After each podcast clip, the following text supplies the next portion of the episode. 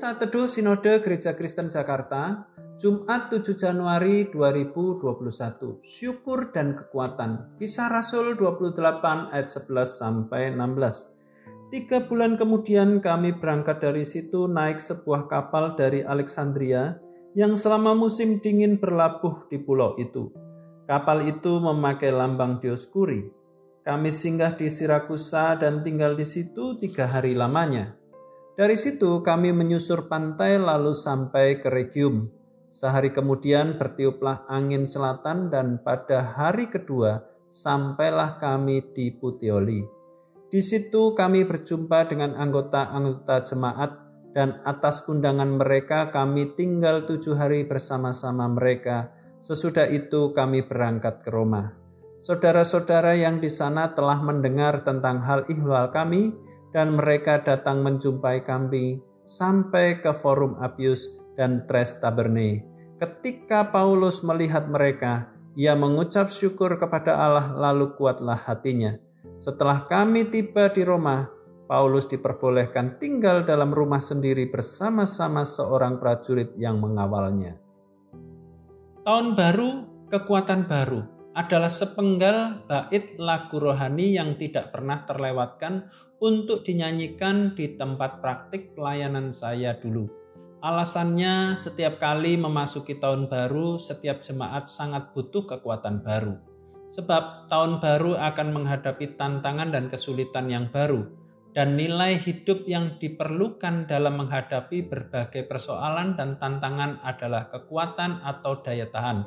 Seseorang mungkin memiliki kemampuan, keterampilan, jabatan, ataupun kekayaan, tetapi tanpa memiliki kekuatan, daya tahan secara mental dan jiwa akan tetap kalah serta jatuh oleh gempuran dan gelombang persoalan hidup.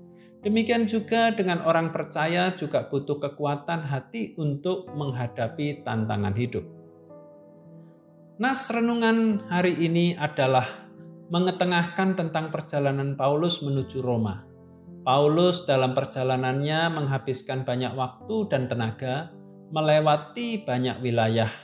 Pelayanan yang akan dilakukan Paulus di kota Roma tidaklah mudah.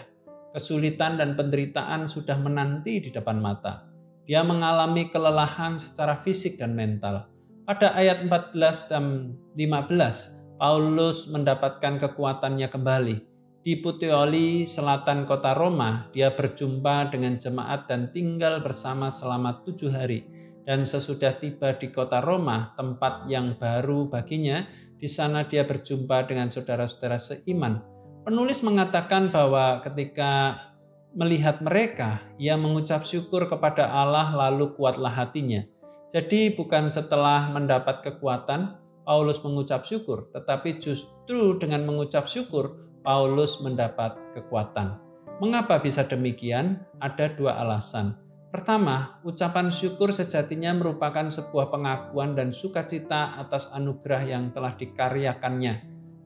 Ucapan syukur berasal dari kata eukaris Eu artinya bersuka dan karis adalah anugerah. Bersuka dengan dasar anugerah Allah yang sempurna diberikan dalam Yesus Kristus lewat penciptaan dan penebusan.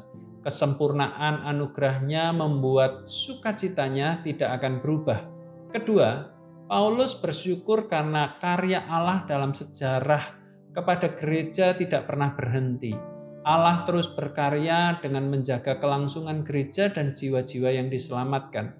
Bahkan karyanya tidak bergantung pada pelayanan dan kehebatan Paulus. Paulus hanyalah salah seorang yang dipakai olehnya. Jadi bagi Paulus, jika dirinya gagal ataupun mengalami kematian dalam pelayanan di Roma sekalipun, dia percaya karya Allah tidak akan pernah berhenti sampai kepada akhir zaman. Itu yang membuat dia bersuka cita dan dikuatkan kembali. Demikian juga kehidupan kita jangan bersyukur hanya ketika sudah mendapat kekuatan yang kita butuhkan, tetapi bersyukurlah dengan memandang anugerah Allah yang sempurna di dalam Yesus Kristus bagi kita. Bersyukurlah bahwa karya Allah tidak pernah berhenti bagi umatnya. Kerjakanlah tugas kita, yaitu setia dalam komunitas tubuh Kristus serta menjangkau lebih banyak lagi jiwa-jiwa. Percayalah bahwa kekuatan dari Tuhan akan selalu melimpah dalam hati kita. Jadi bersukacitalah karena karyanya tidak pernah gagal, maka pelayanan kita pun tidak akan sia-sia. Bersyukurlah atas karya anugerah Allah yang tidak pernah gagal itu memberikan kekuatan bagi kita dalam melayani Dia di tengah-tengah tekanan dan penderitaan. Tuhan Yesus memberkati.